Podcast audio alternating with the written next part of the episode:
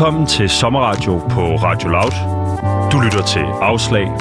Din vært i dag er Mathias Røn Frisenborg Poulsen.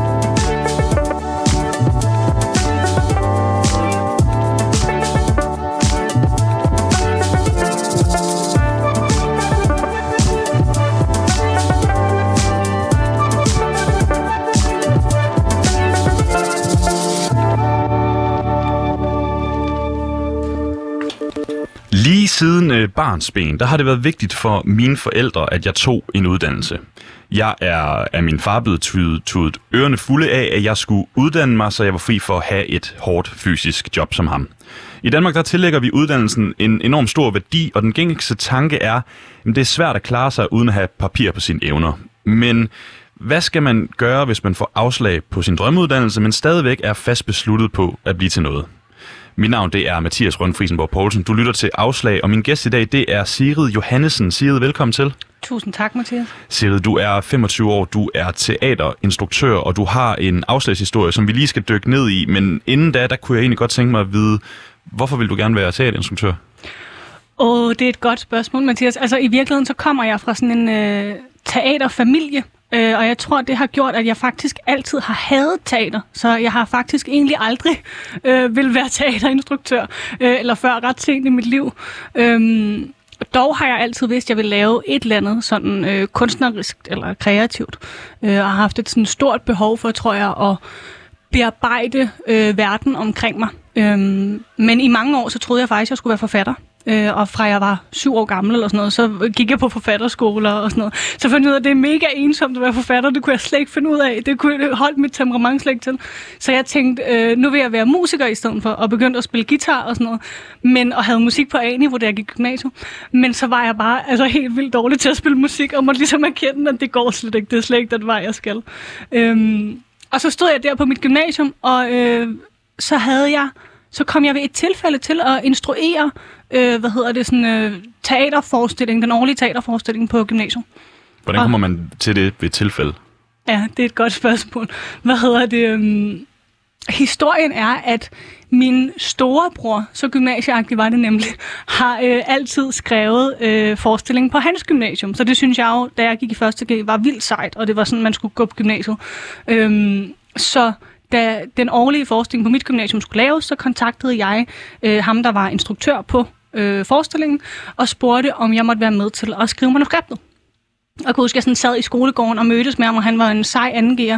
Nu er han faktisk sjovt nok uddannet øh, scenograf og arbejder som scenograf. Øh, Mikkel Rostrup hedder han.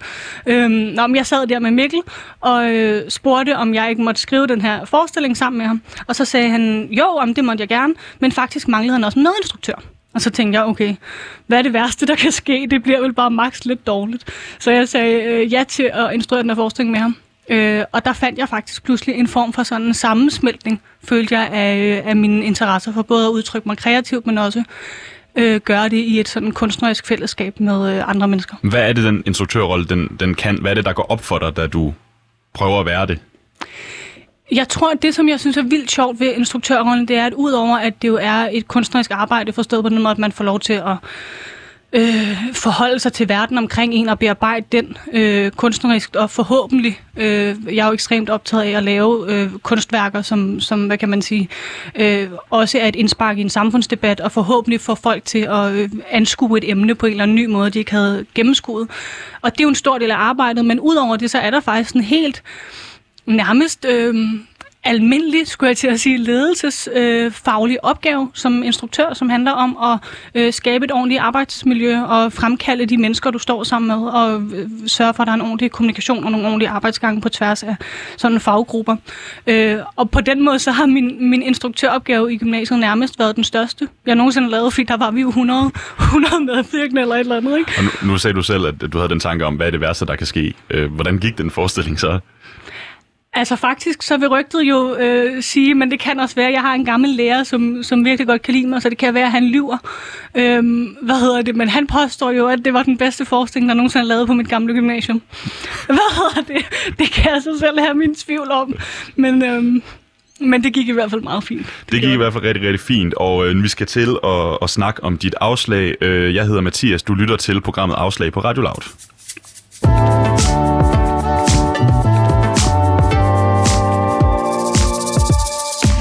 Ja, i studiet i dag, der har vi Sigrid Johansen, øh, teaterinstruktør. Og Sigrid, du blev færdig på gymnasiet, og du besluttede dig ligesom for at vil søge ind på teaterskolen som teaterinstruktør. Kan du ikke lige fortælle, hvordan foregår sådan en optagelse? Jo, altså øhm, på teaterskolen, der er det sådan, at øh, på instruktøruddannelsen, der kommer to elever ind årligt, øh, og det gør de gennem en længere øh, optagelsesproces, hvor der øh, i første omgang bliver du stillet, dengang, det, det kan, har nok ændret sig nu, øh, men dengang, der var det i hvert fald sådan, at man blev stillet øh, to opgaver. En var en tekst, du skulle fortolke, og så var en en fri opgave. Øh, og den skulle man så sende ind på skrift, og på baggrund af det, så valgte de, jeg tror det var 30 eller sådan noget, som så gik videre til første prøven, som bestod af en samtale, hvor man skulle forsvare sit arbejde. Hvordan lyder sådan en opgave? Øh, ja, godt spørgsmål. Altså, så er det sådan noget, så, så der var en opgave A og en opgave B, og opgave A bestod måske i, at man øh, kunne vælge mellem fire forskellige tekster, så kunne du vælge en Kasper Erik, et Kasper Erik-digt, eller du kunne vælge øh, en øh, Shakespeare-tekst, eller du kunne vælge en sådan noget moderne dramatik, altså en, noget, som er sådan mere postmoderne i sit udtryk. Øh, og så kunne du måske også vælge et billede, faktisk, og så kunne du lave en iscenesættelse på baggrund af det. Og så var opgave B sådan noget, der hed noget eller et frit kunstnerisk udtryk. Det vil sige, at du måtte faktisk lave lige, hvad du ville.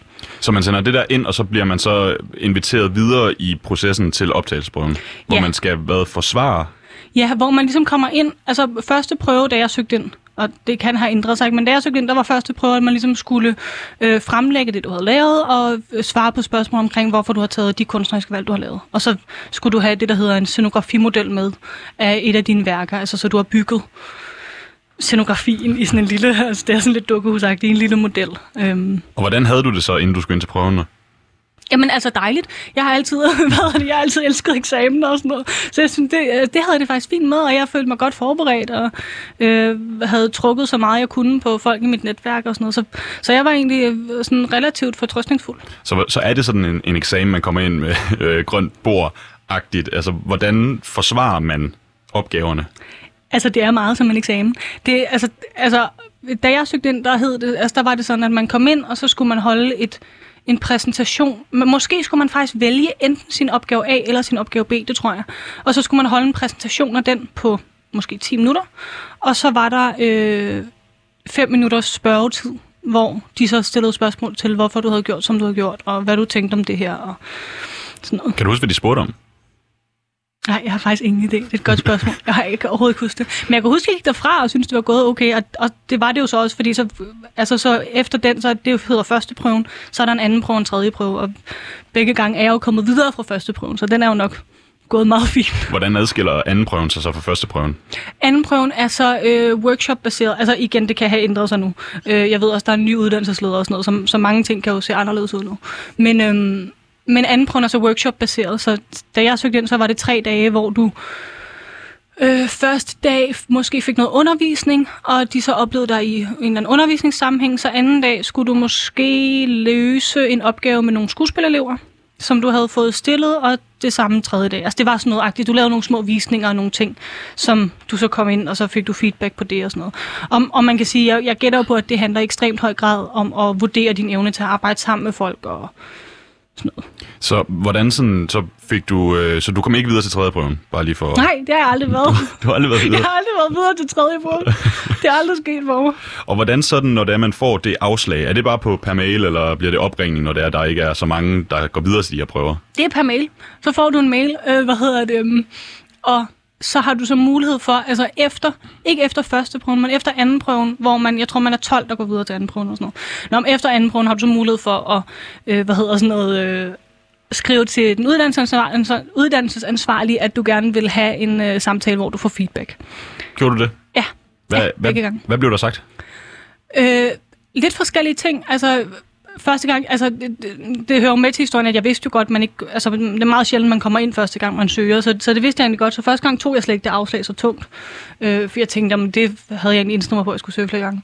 Men, øhm, men det, jeg kan huske, det er, at hun sagde til mig, at jeg arbejder for politisk og for konceptuelt, øhm, og ikke psykologisk funderet nok, øh, og jeg derfor skulle søge ind i Tyskland.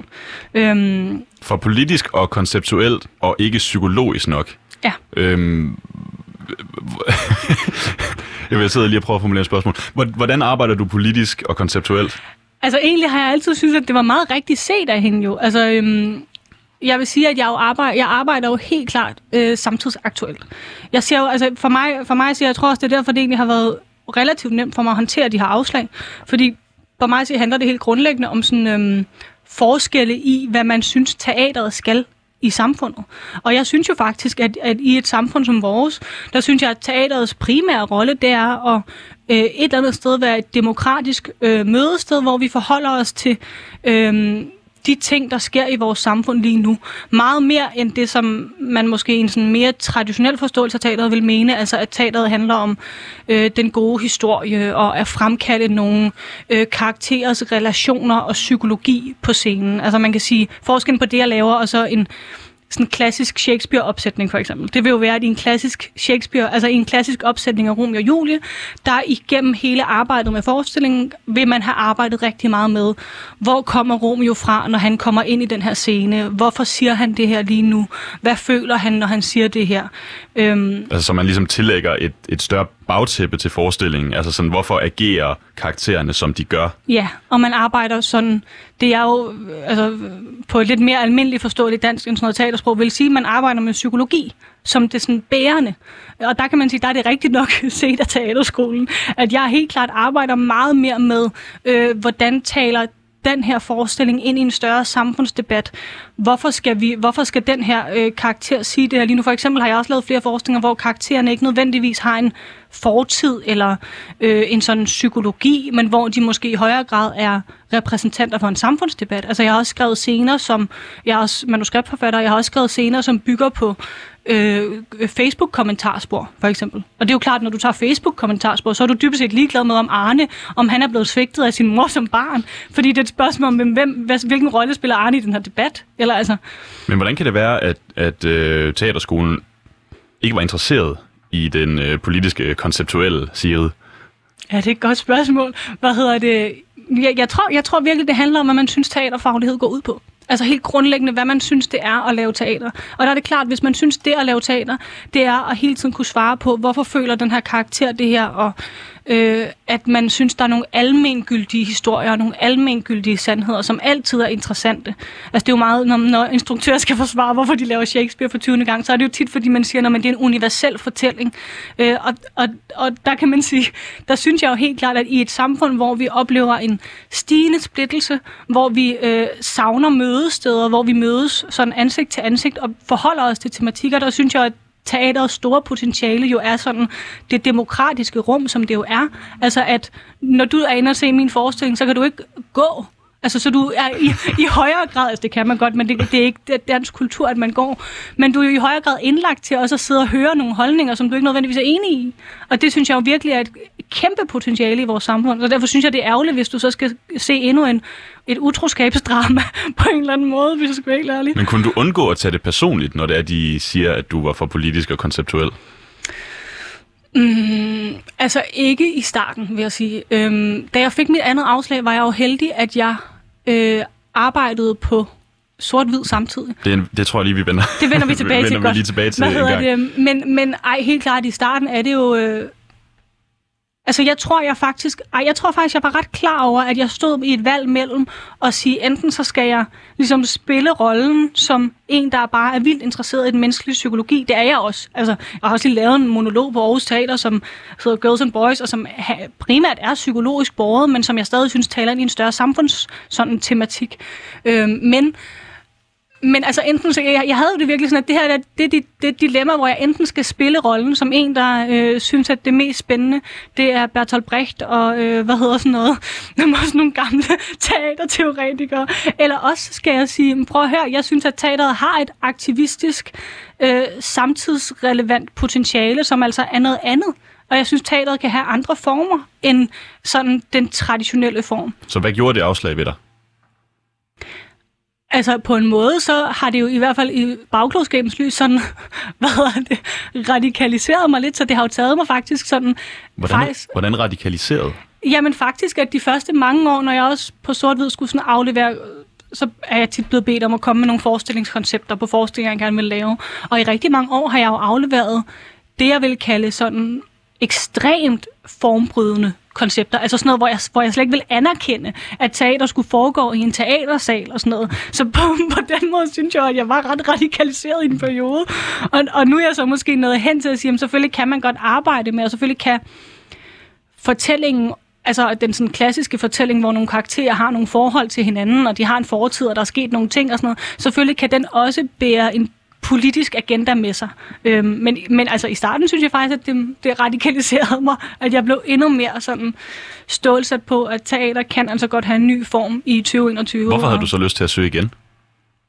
Fordi Altså, hvis man skal være helt ærlig, så har den vej, jeg har valgt, har ikke været den nemme vej. Øh, det har jo ikke været, det har ikke været særlig sjovt. Det har det jo så. Men, men, altså, men det har jo godt nok været hårdt, og jeg har, jeg har godt nok haft nogle crazy lange arbejdsure. Øhm, og det har også været fyldt, tror jeg, med mere tvivl. Og på den måde, der kan man sige, at teaterskolen er jo Øh, og det binder lidt op på det, du sagde i starten med, hvad vi, altså, hvor meget vi tillægger uddannelse betydning. Ikke? Og det handler ikke kun om sådan relationelt i en familie for eksempel, men det handler også om i en branche. Og der er det jo klart, at teaterskolen er i teaterbranchen i ekstremt høj grad adgangsbilletten. Øhm, altså det er virkelig sådan det, der øh, sørger for, at du i hvert fald får nogle chancer til at starte med.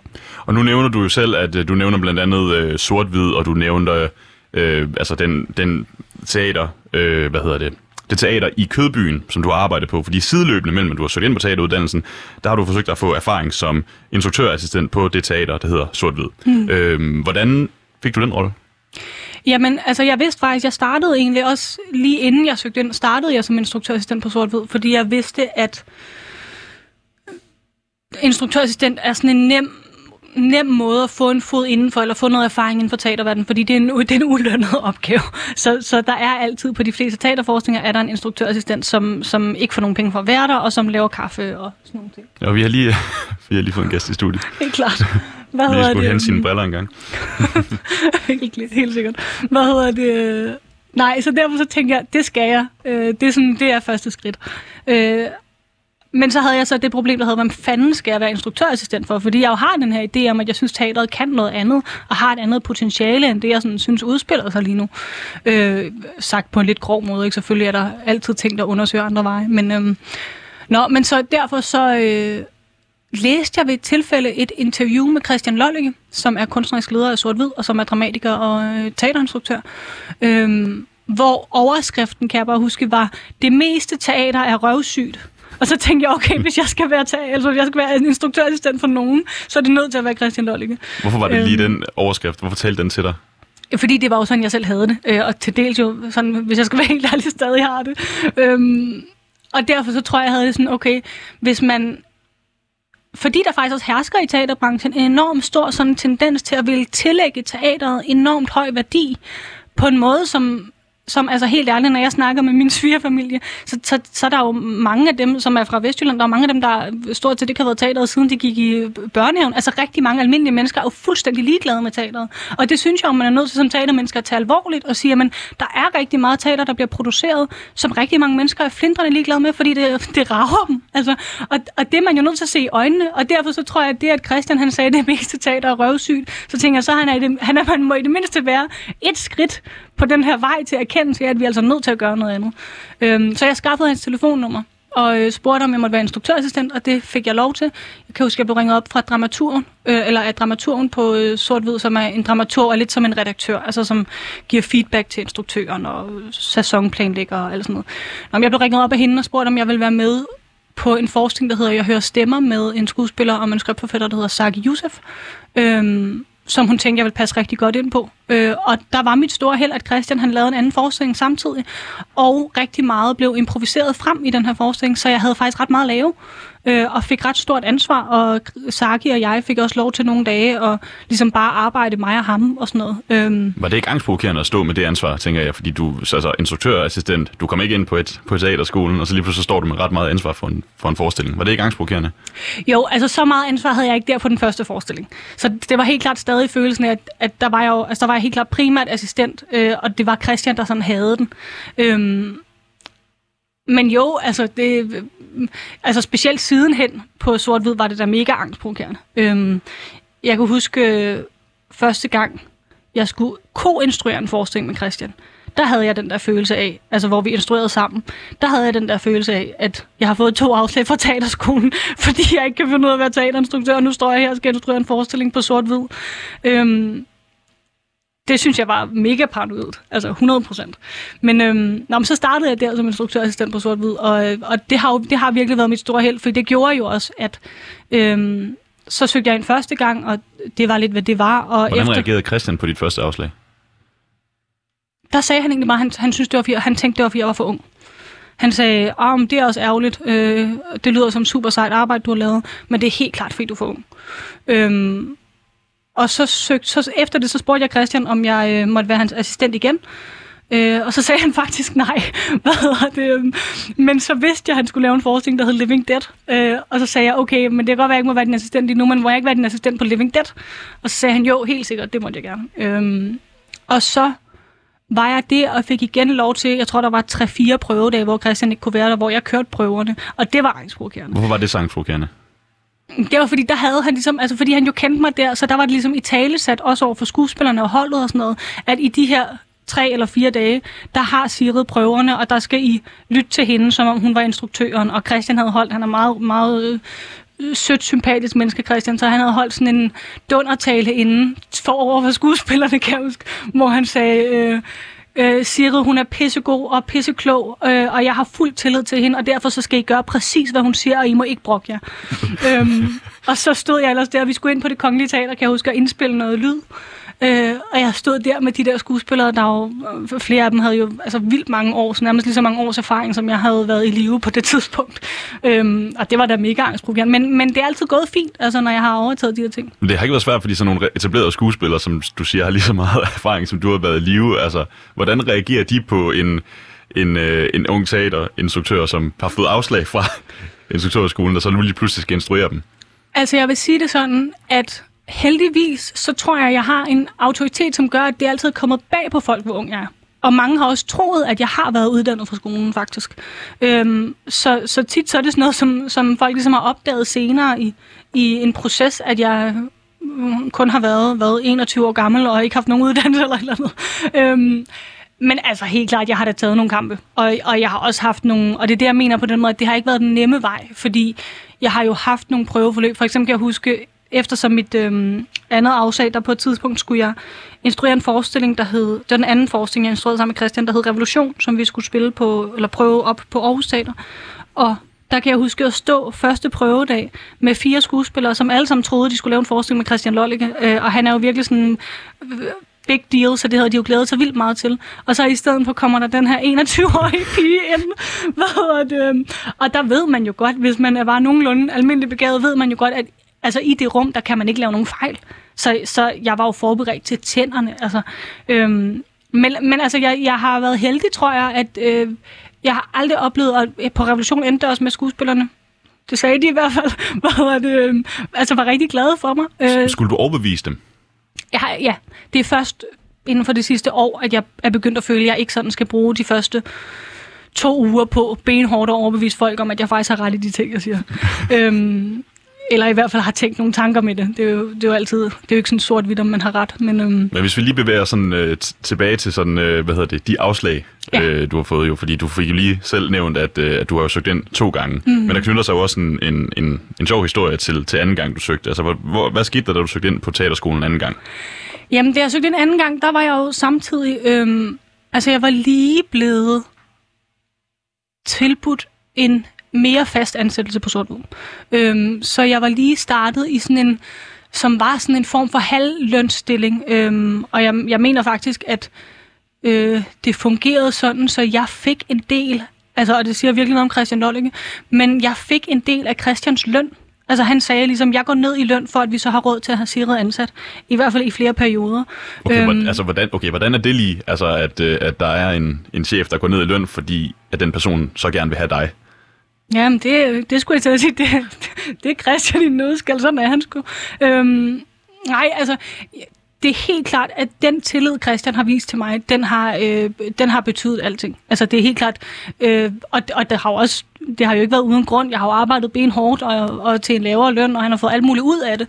Men, øh, men der er ikke nogen tvivl om, at at den, den tillid har virkelig været, været guld værd. Øhm, og det var også det, der gjorde, at da jeg så søgte en anden gang, så kom jeg igen til anden prøven, og så skulle de ligesom, så var vi 12 tilbage, og de skulle tage 8 videre. Og så kan jeg huske, at jeg fik en mail, hvor der stod øh, sådan noget, kære Sigrid, tak for din, øh, dit arbejde og sådan noget. Øhm, desværre har der ikke været plads til dig øh, øh, blandt de syv, vi har valgt at tage videre.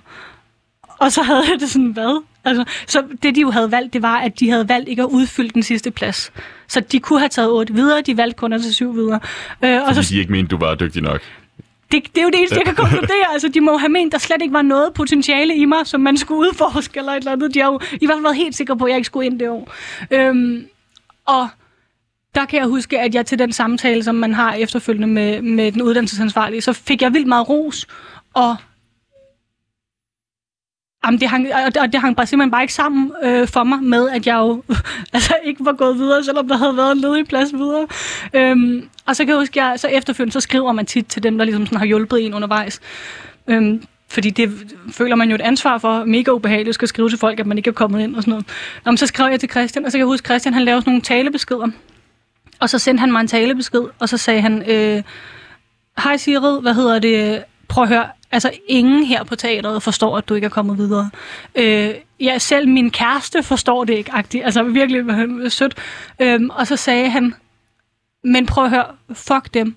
Øh, jeg skal nok sørge for, at du får lov til at lave en teaterforestilling. Jeg skal nok sørge for, at du får en chance. Øh, fuck dem, og lad os gå i gang med at planlægge din fremtid. Bum. Og det var virkelig, altså... Øh, det var nærmest sådan et øh, sådan en crossroad, eller altså derfra, så, så valgte jeg faktisk helt hardcore. Jeg kan huske til den feedback-samtale, jeg havde på teaterskolen, der siger de jo sådan til sidst, så er de jo meget søde, så siger de sådan, nå, men øh, hvad hedder det, øh, jamen, og, øh, vi håber jo, du søger ind en anden gang, eller altså så, sådan, sådan noget siger de jo. Og jeg var iskold, så jeg, så jeg sagde, hvad hedder det, øh, det kommer jeg ikke til. Og så sagde hun, nej, jamen, jeg forstår også godt, meget sødt sagde hun, jeg forstår også godt, at, at det jo er følsomt lige nu for dig, og, men det kan jo være, hvis du tænker over det, at du så får lyst til at søge ind igen. Nej, det kommer jeg ikke til. Altså, jeg var fuldstændig Hvorfor var du så sikker på, at du ikke ville søge ind igen? Altså for det første er det jo vildt stort arbejde at søge ind på en teaterskole, fordi man jo skal lave to hele forestillingskoncepter og en masse mindre arbejde og sådan noget.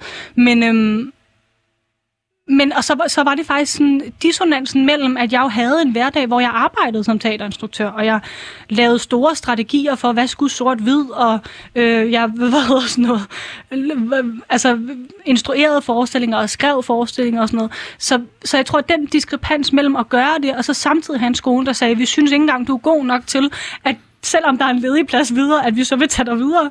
Altså det var simpelthen, og det, og det gjorde faktisk, at jeg tror, jeg efter den gang havde det sådan, prøv at høre, det her, det her handler ikke om, og jeg tror, det, det er virkelig vigtigt, øh, uanset nærmest, hvor man får et afslag fra. Men, men jeg tror virkelig, den store gave for mig har været, at jeg ret hurtigt øh, adskilte det afslag fra øh, mine reelle evner. Hvordan? Og, altså, at jeg simpelthen helt, helt hardcore var nødt til at sige, at det her handler ikke om, hvorvidt jeg er god nok.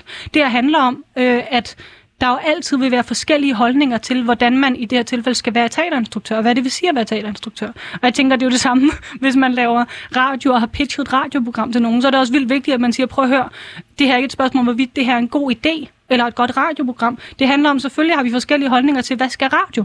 Og, og det tror jeg på den måde er sådan, altså en eller anden form for livslektie, man kan tage med sig i rigtig mange sammenhæng. Altså at, at man ikke sådan personligt gør de der afslag. Fordi det ikke nødvendigvis handler om dig som person. Men hvordan undgår man at tage det personligt?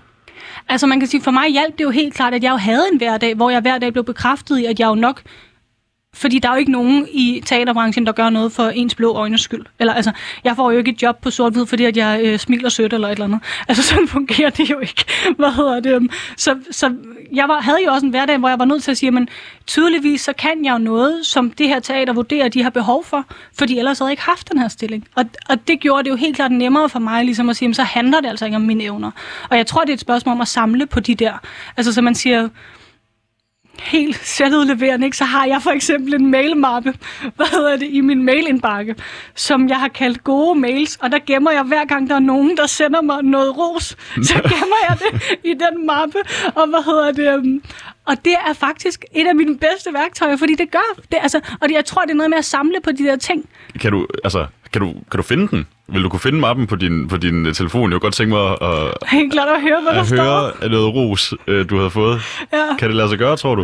Jamen, det tager noget tid, for jeg har ikke min mail-app installeret. Ah, på den måde. Men kan du måske så huske øh, den seneste rosmail, du fik? Ja, den seneste rosmail. Eller din favorit? Helt klart. Jamen, jeg har mange favoritter, som faktisk er fra Christian. Altså, øh, som, han er virkelig god til at rose en. Men for eksempel, så kan jeg huske, at jeg fik, efter jeg lavede en forskning, der hed Made in China, øh, som som var en ret vild forskning, hvor jeg havde brugt en måned i Kina sammen med Kommunistpartiet. Øhm, og så havde ligesom øh, lavet en dokumentarisk forskning over det her om en dansk kvinde, der havde indset, at fremtiden var kinesisk, og derfor rejste hun til Kina og endte med at blive en del af Kommunistpartiet. Øhm, og den blev så syret nok, den handlede om Kinas voksende globale magt. Syret nok blev den lagt ned af øh, coronapandemien, som jo øh, virkelig er et symbol på Kinas voksende globale magt. Hvad hedder det? Øhm? Og så blev den i stedet for til en podcast, som vi udgav i samarbejde med politik, øhm, og som jeg tror, man faktisk stadig kan høre. Og der kan jeg huske, morgenen efter den var udgivet, så fik jeg en mail fra Trine Thomsen, fra Aarhus Teater, som er en fantastisk øh, dygtig teaterchef. Øhm, og Trine, hun skrev, Altså sådan noget, jeg har aldrig fået så meget ros i mit liv. Hun skrev noget, eller sådan noget. Øh, hvor er det en fantastisk morgen at vågne op klokken 6 og øh, høre den her podcast. Øh, jeg har fuldstændig fået min tro på teateret tilbage. agte. Øh, og jeg tror faktisk, grund til, at den betød så meget for mig, det var, at det har jo selvfølgelig luret i mit baghoved om, det ligesom kun var Christian Lolliger, der syntes, at jeg kunne noget, og resten af dansk teater, de kunne bare godt se, at jeg var talentløs. Øhm, og der tror jeg sådan, øh, Altså derfor tror jeg faktisk, det betød enormt meget, at der pludselig var en anden øh, autoritetsfigur i dansk teater, der sagde, prøv at høre, jeg synes faktisk, du har lavet noget, som jeg synes er rigtig interessant og rigtig godt. Øhm, så hvordan reagerede du på det? Og det blev jeg jo bare super, super glad for. Så skyndte jeg mig at flytte den over i min mail-indbakke med gode mails. mail-indbakke med gode mails. Sådan i forhold til Christian Lollige, så nævnte du lige før, at at alle på teateret, de var overrasket over, at du ikke kom ind på, på teaterskolen anden gang. Var du selv forberedt på, at det kunne blive til et afslag? Ja, det er man jo altid. Altså, øhm, helt klart. Men, og jeg, jeg vil faktisk sige det sådan, jeg tror, hvis jeg var kommet til tredje prøven, så havde jeg søgt ind igen. Altså, så, så det var faktisk kun den måde, afslaget, altså, det var den måde, afslaget foregik på, som jeg simpelthen synes var så grundlæggende øh, uforståeligt. Altså, som jeg stadig den dag i dag har svært ved at forstå. Hvad hedder det? Um, som gjorde, at jeg havde det sådan, ej, det her, det kan jeg simpelthen ikke. Altså, fordi jeg kunne ikke andet end at konkludere, at det må simpelthen grundlæggende handle om forskelle i, hvad man synes, teateret skal. Og, og der kæmper selv guderne forgæves, ikke? Eller, altså, fordi det, det, så skal jeg lave om på, hvad jeg synes, teateret skal, og det kommer jeg altså ikke til. Da vi øh, snakkede sammen i går, der nævnte du, at det var ret ydmygende, efter du fik afslag anden gang, sådan at, at, at, at, at skrive rundt, skrive til Christian, at du ja. har fået afslag. Hvorfor var det så ydmygende? Ja, det er jo egentlig faktisk et vildt godt spørgsmål. Hvor fanden er det egentlig så ydmygende? Men altså, jeg gætter jo på, at det handler om, at vi har en kultur, som jo er ekstremt bygget på øh, succes. Altså, vores generations store problem er jo, at vi har vildt svært ved at håndtere, når det ikke går godt for os. Altså, vi bruger så ekstremt mange kræfter på hele tiden at være nogen, det går godt for, og dele alle vores succesoplevelser med hinanden. Ikke? Altså, så, så jeg tror egentlig, at det er sådan det er jo sådan sært tabubelagt stadig i dag at øh, få afslag og ligesom opleve modgang på den der måde. Altså, øhm, fordi det jo er så meget et, en afvisning af ens evner. Ikke? Øhm, og så er det jo også en benhård branche. Altså, så der skal heller ikke mange fortællinger om, at du er en, der ikke er dygtig til, altså før du ligesom så pludselig øh, aldrig får et job igen. Ikke? Eller, altså, på den måde er det jo brutalt. Men, og det er også det, jeg synes, der er interessant, fordi at, at der er jo alligevel så, du siger, den måde, der, den måde, det foregik på afslaget anden gang, øh, gjorde jo også sådan, at du bare sagde, okay, altså fuck jer, yeah. Altså sådan, selvom det var ydmygende, og selvom mm. det sikkert øh, gjorde rigtig ondt, altså hvor fandt du de kræfter til at fortsætte? Ja. Øhm, altså jeg tror, der er to, der er to analyser. Ikke? En psykolog vil jo sige, at det der fuck ja, er en kæmpe forsvarsreaktion. Det, det var også min udlægning af Hvad det. det? altså, at det er en kæmpe forsvarsmekanisme, at man siger, hvis I ikke vil have mig, så vil jeg heller ikke have jer. Øh, og så er der den anden, som, altså, som egentlig er mere sådan hvis jeg skulle forsvare mig selv, min egen indre realist, at jeg har egentlig altid været et menneske, som har det sådan, okay, men det er det her, der er omstændighederne, så må jeg jo agere i det. Og der kan man sige, der var omstændighederne jo en uddannelse, der ikke ville have mig, og så måtte jeg ligesom lægge en plan for, okay, men hvad, hvad har jeg så af muligheder? Og der var jeg jo heldig, at jeg havde den mulighed, at jeg havde et teater, som tilbød mig en, en ansættelse, øhm, så jeg kunne også betale min husleje og sådan noget.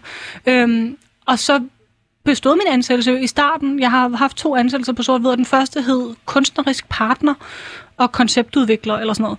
Øhm, og der bestod min ansættelse i, at jeg sådan noget 70 procent af tiden skulle arbejde på Christians projekter og på sortvids øh, projekter, ligesom i en sådan bredere forstand.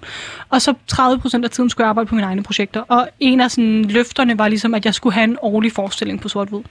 Blev du egentlig overrasket over, at du blev tilbudt det, efter at du har fået afslag fra teaterskolen?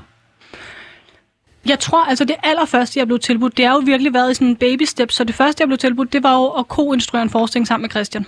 Øhm, som faktisk var toeren til den der, jeg hører stemmer, som var den første forskning, jeg var instruktørassistent på.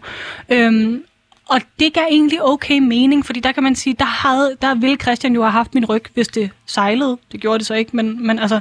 Øhm, og så kan man sige, at det var jo også på en måde en praktisk foranstaltning, fordi Christian skulle lave en anden forestilling samtidig. Så derfor så var det også en måde for ham, og altså han har ekstremt meget arbejde, så, så man kan sige, at min ansættelse var også en måde, måde at aflaste ham på, sådan helt banalt. Øhm, og derfor tror jeg, at det føltes stort, men det føltes ikke sådan... Øh, egentlig overraskende nødvendigvis. Også fordi vi jo, Christian havde jo prøvet mig af som assistent i nogle sammenhæng og sådan noget. Så, så det var egentlig, det gav okay mening. Så tror jeg, at efter det, så blev jeg tilbudt at ko-instruere en forskning, der hed Revolution sammen med ham. Øhm, og der var jeg helt klart mere selvstændig instruktør. Eller, altså, der, var, der var længere perioder, hvor Christian slet ikke så, hvad vi lavede og sådan noget. Øhm, og så sluttede vi så af med at lave det sammen, og øh, Christian havde også prøver, hvor jeg ikke var der og sådan noget. Så det var helt klart, at vi var helt ligeværdige om at instruere forskning, men, men der stod jeg med et større selvstændigt ansvar, følte jeg. Hvordan er det at have haft så meget tiltro til dig, selvom at du jo ikke har papir på, på det, du kan? Ja, det synes jeg, ja. Det, er også, det, er, det synes jeg er så vanvittigt. Altså faktisk, at, det synes jeg virkelig siger noget om, om Christians person. Ikke? Øhm, Ja, jamen jeg ved faktisk ikke engang, hvad jeg skal sige om det. Jeg, jeg har tit tænkt på faktisk, også fordi jeg jo efterfølgende selv har haft instruktørassistenter, om jeg selv ville have samme grad af tiltro til nogen. Altså, men, men man kan også sige, at Christian har jo også oplevet i mig en, der pludselig kom og faktisk havde nogle visioner for, hvad jeg synes. Jeg har altid været ret udtalt om, hvad jeg synes, dansk teater skal og kan. Øh, så, så han har på den måde også pludselig set et menneske, som han synes vil noget fedt med teateret. Øhm, og det er jo en af ens opgaver som teaterinstruktør, eller som teaterchef, øh, som han jo også er. Øhm, det er jo også at se, hvor synes man, der ligger nogle potentialer, og så løfte dem frem. Så på den måde kan man sige, at det er jo også heldigt, at jeg har mødt ham på et tidspunkt, hvor han var teaterinstruktør, eller teaterchef. Fordi så havde han faktisk muligheden for at hvad kan man sige, have den tiltro til mig, ikke, på en eller anden måde. Og den der tiltro, har det så gjort, at du bare har altså, braget igennem? Fordi jeg tænker op til din første selvstændige forestilling, øhm, fandtes der noget, sådan, noget tvivl omkring, hvorvidt at du rent faktisk kunne det, du gjorde? Ja, er du vanvittig? Og også efterfølgende. Den, jeg tror ikke, tvivlen forsvinder. Øhm, altså, specielt op til min første selvstændige forskning. Og faktisk så gik den ikke på mange punkter... Altså, i dag der var en forskning, der hedder The Troll Show, øh, og i dag er jeg vanvittigt stolt af, at det var min debutforestilling. Øh, fordi den var fuldstændig vanvittig og øh, formbrydende på flere måder, synes jeg. Men den var helt klart ikke sådan den succes, jeg havde håbet på, den ville være. Altså, og, og et langt stykke hen ad vejen havde jeg det efterfølgende sådan... Øh, altså, der havde, var, havde jeg helt klart sådan en, der hed sådan, fuck, kan jeg i virkeligheden ikke finde ud af det her? Øhm, Hvordan var den tanke at få den? Jeg tror, at man må acceptere øh, når man arbejder kunstnerisk, at det altid vil følge dig. Altså, jeg har det også øh, den dag i dag. Altså, jeg starter prøver efter sommer, øh, 3. august, oven i købet på en forestilling, jeg har lavet før. Vi skal bare have reprøver, øh, fordi den skal have premiere igen øh, på Aarhus Teater. Og der kan det også nærmest nogle nætter. Altså, have det sådan, jeg skal ikke tænke for meget på, at jeg starter prøver. Fordi det er jo, jeg tror altid, det er værensprovokerende. Øh, men, men der har det jo helt klart været en hjælp, at jeg har haft...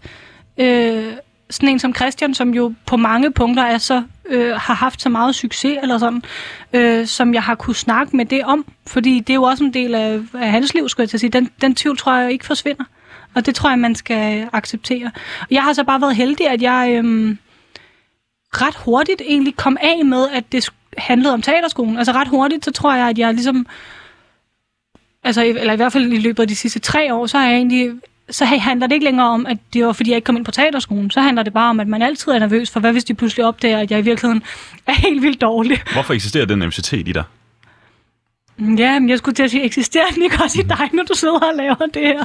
Altså, jeg tror egentlig, det er sådan der. Jo, jo, nu er det, nu er det jo dig, nu er det dig, der er min gæst i dag, så ja. vi kan også godt snakke om min nervøsitet hver eneste gang, at jeg skal sætte på. Men, ja, øh, men, men, øh, men hvorfor eksisterer den i dig? Altså, jeg tror, jeg tror faktisk bare, at det er et almindeligt menneskeligt vilkår. Altså, den der sådan konstante angst for, selv når det går, jeg, jeg føler også, at det bliver værre, når det så er gået godt. Når noget går godt, så er jeg endnu mere nervøs, fordi så tænker jeg, fuck mand, lige om lidt så opdager de, at jeg bare snød, dengang det gik godt, eller det var lige heldigt, at jeg lige ramte noget, som, som fungerede. Øhm, som, som man kan sige, jeg tror, at det, jeg fokuserer mest af alt på, det er, øhm, det er ligesom at sige, jeg, jeg kan huske, en af mine venner opstillede, øh, fortalte mig om en trekant, som hendes ven havde opstillet, som handlede om, hvordan man øh, får succes, eller hvem, hvem får succes i dansk teater. Og den trekant, øh, den bestod af, at man enten kan være sød, eller også kan du arbejde hårdt, eller også kan du være vildt talentfuld. Øhm, og hvis du bare har to af de tre, så, øh, så skal det nok gå dig godt. Øh, og jeg har altid haft det sådan, at også måske på grund af min afslag, at jeg kan sgu ikke vide, om jeg er særlig talentfuld, men jeg kan i hvert fald sørge for, at jeg er sød og at jeg arbejder hårdt. Men altså, kan man ikke ej, lad os lige våge den påstand og sige, at du er relativt talentfuld. Altså, du er, du er, du er vel noget, man kan kalde noget nær autodidakt, Sigrid. Er du ikke det? Jo, jo, jeg er jo autodidakt. Øhm, selvom jeg er begyndt, fordi jeg faktisk føler, at det ord, der har lidt negative konnotationer, så jeg faktisk stoppet med at bruge det. Øhm, Hvorfor har det det? Det ved jeg ikke. Jeg har altid følt, det noget lidt nedladende. Øhm, men jeg tror, jeg har sådan nogle sære ting. Altså for eksempel, så får jeg også altid at vide, folk de siger altid til mig, dem er der også mange af i min gode mails indbakke. Øh, der siger folk altid, du er så sej. Og det har jeg også altid følt, det er, at du er så sej. Det er som om, det er, sådan, er på trods af noget. Eller sådan, det er som om, det, det er sådan noget, man siger på, på til trods af, at du ingen uddannelse har. Det, det, det eller på trods af, at du er en kvinde, eller på trods af, at du er ung. Eller, altså, jeg har altid følt, det er, sådan noget, det er sådan noget, jeg siger til et barn, der er fem år gammel, og som falder og slår sig og rejser sig op igen. Ej, hvor er du sej. Ja, fuldstændig. Men hvordan, hvordan adskiller dine evner sig Altså fra dem, der er uddannet? Ja, det er et godt spørgsmål. Hvad hedder det? Øhm, jeg tror, jeg svarer noget nyt hver gang, hver gang du spørger, skulle jeg til at sige. Ej, men, øhm, men altså, jeg vil jo sige helt grundlæggende, så øh, arbejder jeg jo, jeg er jo ligesom skolet i at indgå i en organisation, først og fremmest. Altså, så, så jeg, kan ikke, altså, jeg kan ikke finde ud af at lave kunstneriske koncepter, hvor jeg ikke tænker kommunikationsstrategien ind, eller hvor jeg ikke tænker, hvad har vi af økonomi, eller hvor mange medvirkende er der. Der er helt sikkert nogle producenter, der vil grine lige nu og sige, du synes virkelig, du selv tænker over økonomien. Men, men det synes jeg faktisk, jeg gør. Hvad hedder det? Og jeg synes faktisk, jeg er ret løsningsorienteret. Øhm, og det tror jeg er den store forskel. Altså, at når du går på en skole, så, så kan man sige, at dit primære arbejde på en skole, det handler jo om at udvikle dit kunstneriske virke, øhm, og dykke ned i, hvad du er optaget af i dit kunstneriske virke, øhm, og, og ligesom få redskaber til at fremkalde det. Og der kan man sige, på mange punkter ser jeg jo heller ikke mig selv som, som kunstner, skulle jeg sige. Altså, men jeg tror, jeg er jo meget mere optaget af samfundet. Altså, ja, mit starter jo heller ikke med sådan nødvendigvis en sådan personlig indre nødvendighed, men min, når jeg laver kunstneriske værker, starter de altid ud fra en eller anden form for sådan, hvad er det, jeg synes er underbelyst i vores samfund, eller hvad synes jeg, vi burde snakke om på en anden måde, eller altså, og på den måde kan man sige, at jeg jo det frirum, du får på en skole, det har jeg aldrig haft på godt og ondt. Øh, fordi det gør jo også, at jeg er ekstremt modtagerorienteret. Altså, jeg, jeg forholder mig ekstremt meget til, hvem er, min, hvem er mit publikum, hvem vil jeg gerne have i tale med den her forestilling, og derfor, hvilke kunstneriske valg skal jeg træffe, for at de ligesom anskuer det her emne på en ny måde, eller for at jeg rammer dem på bedst mulig vis, eller når ud til dem på bedst mulig vis. Øh, og det er jo både en styrke, men det er da også en svaghed. Jeg kan da også nogle gange ønske, at jeg sådan kunne sætte mig lidt mere ned i en måned og tænke over, hvad vil jeg som kunstner, hvad optager mig? Øh. Så den dag i dag er du så øh, ked af, at du ikke kom ind på uddannelsen? Nej, altså jeg vil sige, at det her har helt klart været en hård vej. Altså, og jeg burde måske også have øh, taget en pause en gang imellem. Altså, jeg kan være ked af det sådan helt eksistentielt, personligt, fordi at jeg jo har misset, der, jeg kan jo føle, at der er en del af mit ungdomsliv, jeg har misset. Øh, fordi jeg jo har, altså jeg startede jo på sort lige efter gymnasiet, så, så jeg har jo arbejdet øh, 80 timer om ugen de sidste mange år, ikke? Øhm, og det kan jeg være, det kan jeg være ked af. Øhm, men i forhold til mit arbejdsliv og min kunstneriske udvikling og sådan noget, så, så vil jeg jo våge, våge den påstand, at jeg jo har fået lov til at have meget mere hands-on erfaring, end man nogensinde ville få på en skole. Øhm, så kan det godt være, at jeg ikke, men det er jo også på godt og ondt, at jeg ikke kan min teaterhistorie, og jeg er ikke særlig god til øh, at finde ud af, hvad er det for en øh, kunsthistorisk kontekst, jeg øh, laver forestillinger indenfor, det aner jeg ikke. Øh, og, og tit så, når folk snakker om teaterhistorie, så, så, så lader jeg bare som om, at jeg ved, hvad de mener. Hvad hedder det? Så vi ser lidt opsat uh, Shakespeare-stykke for dig? Om det kunne man godt komme til at se. Altså, men, men, men jeg vil jo helt klart meget mere spørge mig selv, når jeg så skulle lave det Shakespeare-stykke, hvorfor er det her relevant for et dansk publikum lige nu? Meget mere end jeg vil spørge mig selv, hvilken øh, historisk kontekst blev det her skrevet ind i, og øh, hvilken, hvordan har vi historisk opsat Shakespeare? Eller altså, det er jeg helt klart mindre interesseret i. Og da vi snakkede sammen i går, der sagde du også, at der er ligesom en, en generel tendens til, at vi vægter uddannelse øh, enormt højt. Det var også noget af det, jeg sagde i min øh, intro. Altså, i Danmark vægter vi uddannelse enormt højt. Og du nævnte også, at du stadigvæk bliver spurgt af og til, hvornår du får en uddannelse. Mm-hmm. Hvorfor tror du, folk de bliver ved med at spørge dig? Ja, det undrer mig virkelig. Og, og specifikt bliver jeg jo tit spurgt af kollegaer, øh, om jeg, om jeg ikke snart skal søge ind på teaterskolen. Og, og det undrer mig jo virkelig, fordi jeg jo lige nu, altså hvis jeg, min kalender er jo fyldt de næste halvandet år, og altså jeg har jo masser at lave, så, så det er jo ikke sådan... Altså jeg kunne forstå, hvis jeg gik arbejdsløs, om, og man tænkte, ah Sirius, skulle du ikke gøre noget for ligesom at løfte dig selv? Men, men jeg synes jo egentlig, jeg har, har nok at se til, og, og, og jeg synes jo også, fordi jeg også er manuskriptforfatter, så har jeg også flere sådan heste at spille på. Men, men jeg tror jo, at hvis jeg alligevel skulle forsvare dem, der spørger mig, så tror jeg jo, at det ligger så ekstremt dybt i os, den idé om, at øh, du er sikret, når du har en uddannelse, øhm, og at uddannelsen på den måde er en eller anden form for fremtidssikring. Altså ligesom hvis din far siger, at du skal sørge for, at du får en uddannelse, så du får et godt liv. Ikke? Og, og på den måde, så tror jeg, at, at vi jo, og måske er vi blevet bedre og bedre til det i de her år, men på en eller anden måde har vi jo brug for et større opgør med, øh, at uddannelse jo heller ikke nødvendigvis, og specielt når vi får automatiseret alle mulige former for arbejde og sådan noget, ikke, så, er, så er uddannelse jo ikke længere nødvendigvis en garanti for jobsikkerhed. Altså, altså i højere og højere grad, det er jo ligesom alle mine venner, der har læst humaniora som er arbejdsløse. Ikke? Altså, og det er jo fordi, de uddannelser, vi begynder at tage, de i højere og højere grad, øh, hvad kan man sige, handler om nye måder at tænke på og sådan noget. Og der må man jo bare sige, at du kan altså godt øh, tænke på andre måder, eller have noget at byde ind med, selvom du ikke har en uddannelse. Så bør vi have mindre fokus på uddannelse i Danmark? Jeg tror i hvert fald, at det er vigtigt at begynde at snakke om, at uddannelse og læring ikke nødvendigvis er det samme. Altså at øh, sådan erfaringsbaseret læring egentlig godt kan have samme vægt som en formel uddannelse, og nogle gange også en højere vægt. Fordi altså, og man kan sige, det er jo også det, som vi begynder jo også at se en tendens til, at mange nyuddannede har øh, kæmpe store problemer med at få arbejde efterfølgende, fordi hvis de ikke har været i praktik, eller hvis de ikke ligesom har fået den erhvervserfaring løbende, så øh, står der nogle arbejdsgivere på den anden side af deres uddannelse og siger, prøv at høre, vi vil faktisk hellere have nogen, der har hands-on erhvervserfaring. Så på den måde, så, øh, så, så tænker jeg, at vi har brug for et sådan lidt større opgør med, hvad det vil sige at uddannelser. Så hvis vi lige skal samle op en gang, hvad er det så det afslag fra teaterskolen, det har givet dig? Altså, øh, hvis jeg skal være helt ærlig, så har det jo både så er det jo så, øh, det har jeg faktisk glemt at sige, men det er jo så syret, at jeg tror aldrig, jeg ville have fået det job på sort-hvid, hvis jeg ikke havde lavet min ansøgning nummer to. Øhm, fordi der skrev jeg 20 siders dramatisk tekst, som jeg gav til Christian Lollige, og det var på baggrund af det, at han faktisk begyndte at give mig mere kunstnerisk øh, frihed. Øhm, så det er jo sådan en mærkelig heldig uheld, ikke? Hvad hedder det? Um... Nej, men altså, hvis jeg skulle opsummere helt, så vil jeg jo faktisk våge påstå, at jeg synes, det har givet mig en klarere retning på mange punkter. Øhm, I hvad jeg synes er vigtigt. Det har jo tvunget mig til at tage stilling til, altså i det, at jeg jo valgte så aktivt at sige, men nu vil jeg ikke søge ind mere, så har det jo tvunget mig til at tage stilling til at sige, hvad, hvad er det for en teaterverden, jeg synes, vi skal skabe, eller hvad jeg synes, teateret kan. Øhm, og så har det jo også lært mig, synes jeg, den lektie, som jeg tror mange mennesker kan bruge i store dele af deres liv, ikke? Øh, og adskille afslagene fra dine reelle kompetencer. Hvordan, altså, men hvordan gør man det?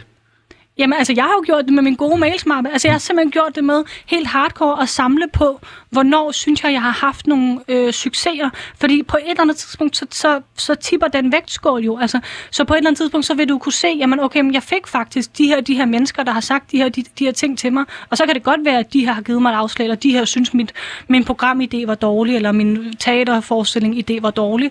Men til gengæld har jeg altså også de her mennesker, som har sagt noget andet til mig. Og, og det giver jo, hvad kan man sige, det sætter jo afslagene i en større kontekst, som gør, at de ikke får lov til at stå alene. Og jeg tror, det er det, der tit sker, når man får et afslag, at man i så høj grad ligesom, så bliver det hele din virkelighed. Ikke? Altså, så, så bliver det det, som sådan får lov til at diktere, hvordan du går ud i verden efterfølgende. Fordi man får at vide, at man, man ikke er god nok. Ja, det er det. Og så er det det, du ligesom tager med dig videre. I stedet for at sige, prøv at høre, på teaterskolen undskyld, hvis jeg skal sige det lidt hårdt, det er jo øh, fem menneskers holdning til, om jeg skal være teaterinstruktør. Så er der øh, tusind andre mennesker, som har en anden holdning. Altså, det, og sådan er det jo også, når du søger et job og får afslag på det job, eller når du får afslag fra din kæreste, eller sådan. Det vil jo altid ligesom være et menneskes, eller to menneskers, eller ti menneskers latterlige holdning. Hvad kan du bruge den til? Så har du så altså, nogle gode råd til folk altså, i den her kunstneriske branche, øh, som har fået afslag? Skal de blive ved med at, med at kæmpe, eller hvad, hvad, Altså, der er jo også nogle gange nogen, der får afslag, fordi de ikke er gode nok, og de skal så, de skal jo, det, det skal man jo også tage alvorligt. Altså, så, så jeg vil jo jeg vil sige, øh, kig realistisk på dine ressourcer og på de kompetencer, du har. Øh, og øh, se, hvilke alternative veje, du ligesom kan lægge. Men det kan vel også være svært at kigge realistisk på sine evner, hvis det er, at den eneste feedback, man så har fået, er fra dem, der, der bestemmer, at du skal ind på en uddannelse. Mm-hmm. Så vil jeg sige, opsøg folk. Altså, det er jo virkelig det, jeg har gjort. Opsøg folk, der er i branchen.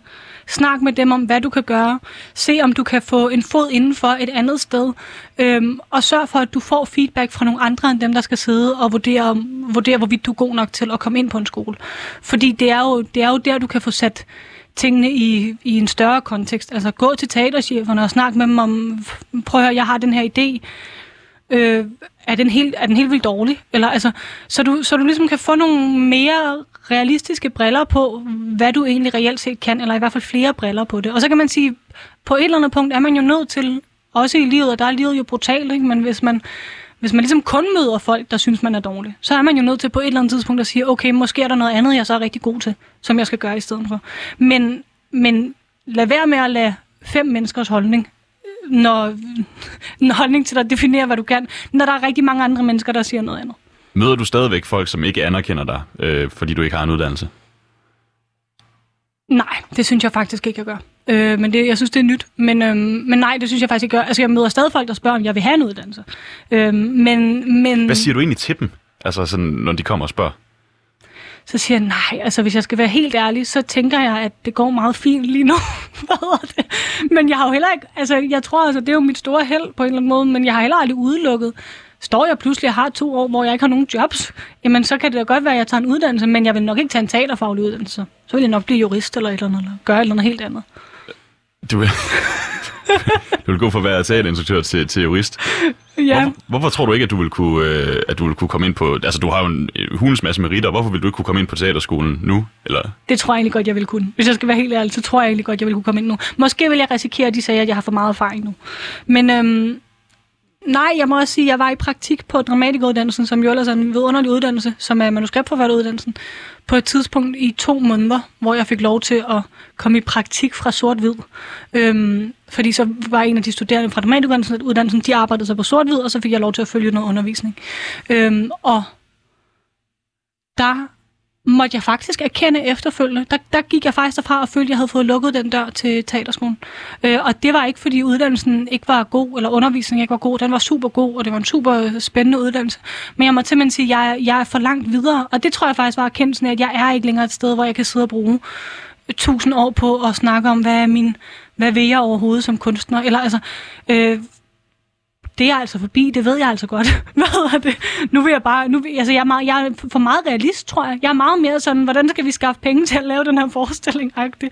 Hvad hedder det? Øhm, altså det tror jeg, det lukkede, det lukkede ligesom den dør for mig. Så derfor tror jeg ikke, jeg vil kunne gå på teaterskolen det tror jeg næsten lige skal være det sidste ord, vi når i den her omgang. Hvornår ja. kan vi egentlig se øh, næste forestilling, som du har opsat?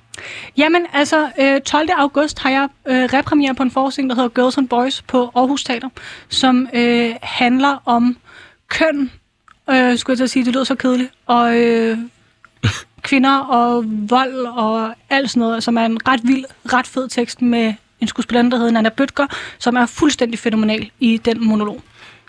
Skide godt. Jamen altså, Sigrid, mange tak, fordi du gad at være med. Øh, du har lyttet til Afslag. Programmet det var produceret af Rakkerpak Production. Min hjælper på programmet, han hedder Jonas Røn, og øh, vi vender tilbage på øh, mandag, og det gør vi mellem 12.05 til 13. Nu er der nyheder. Mange tak for i dag.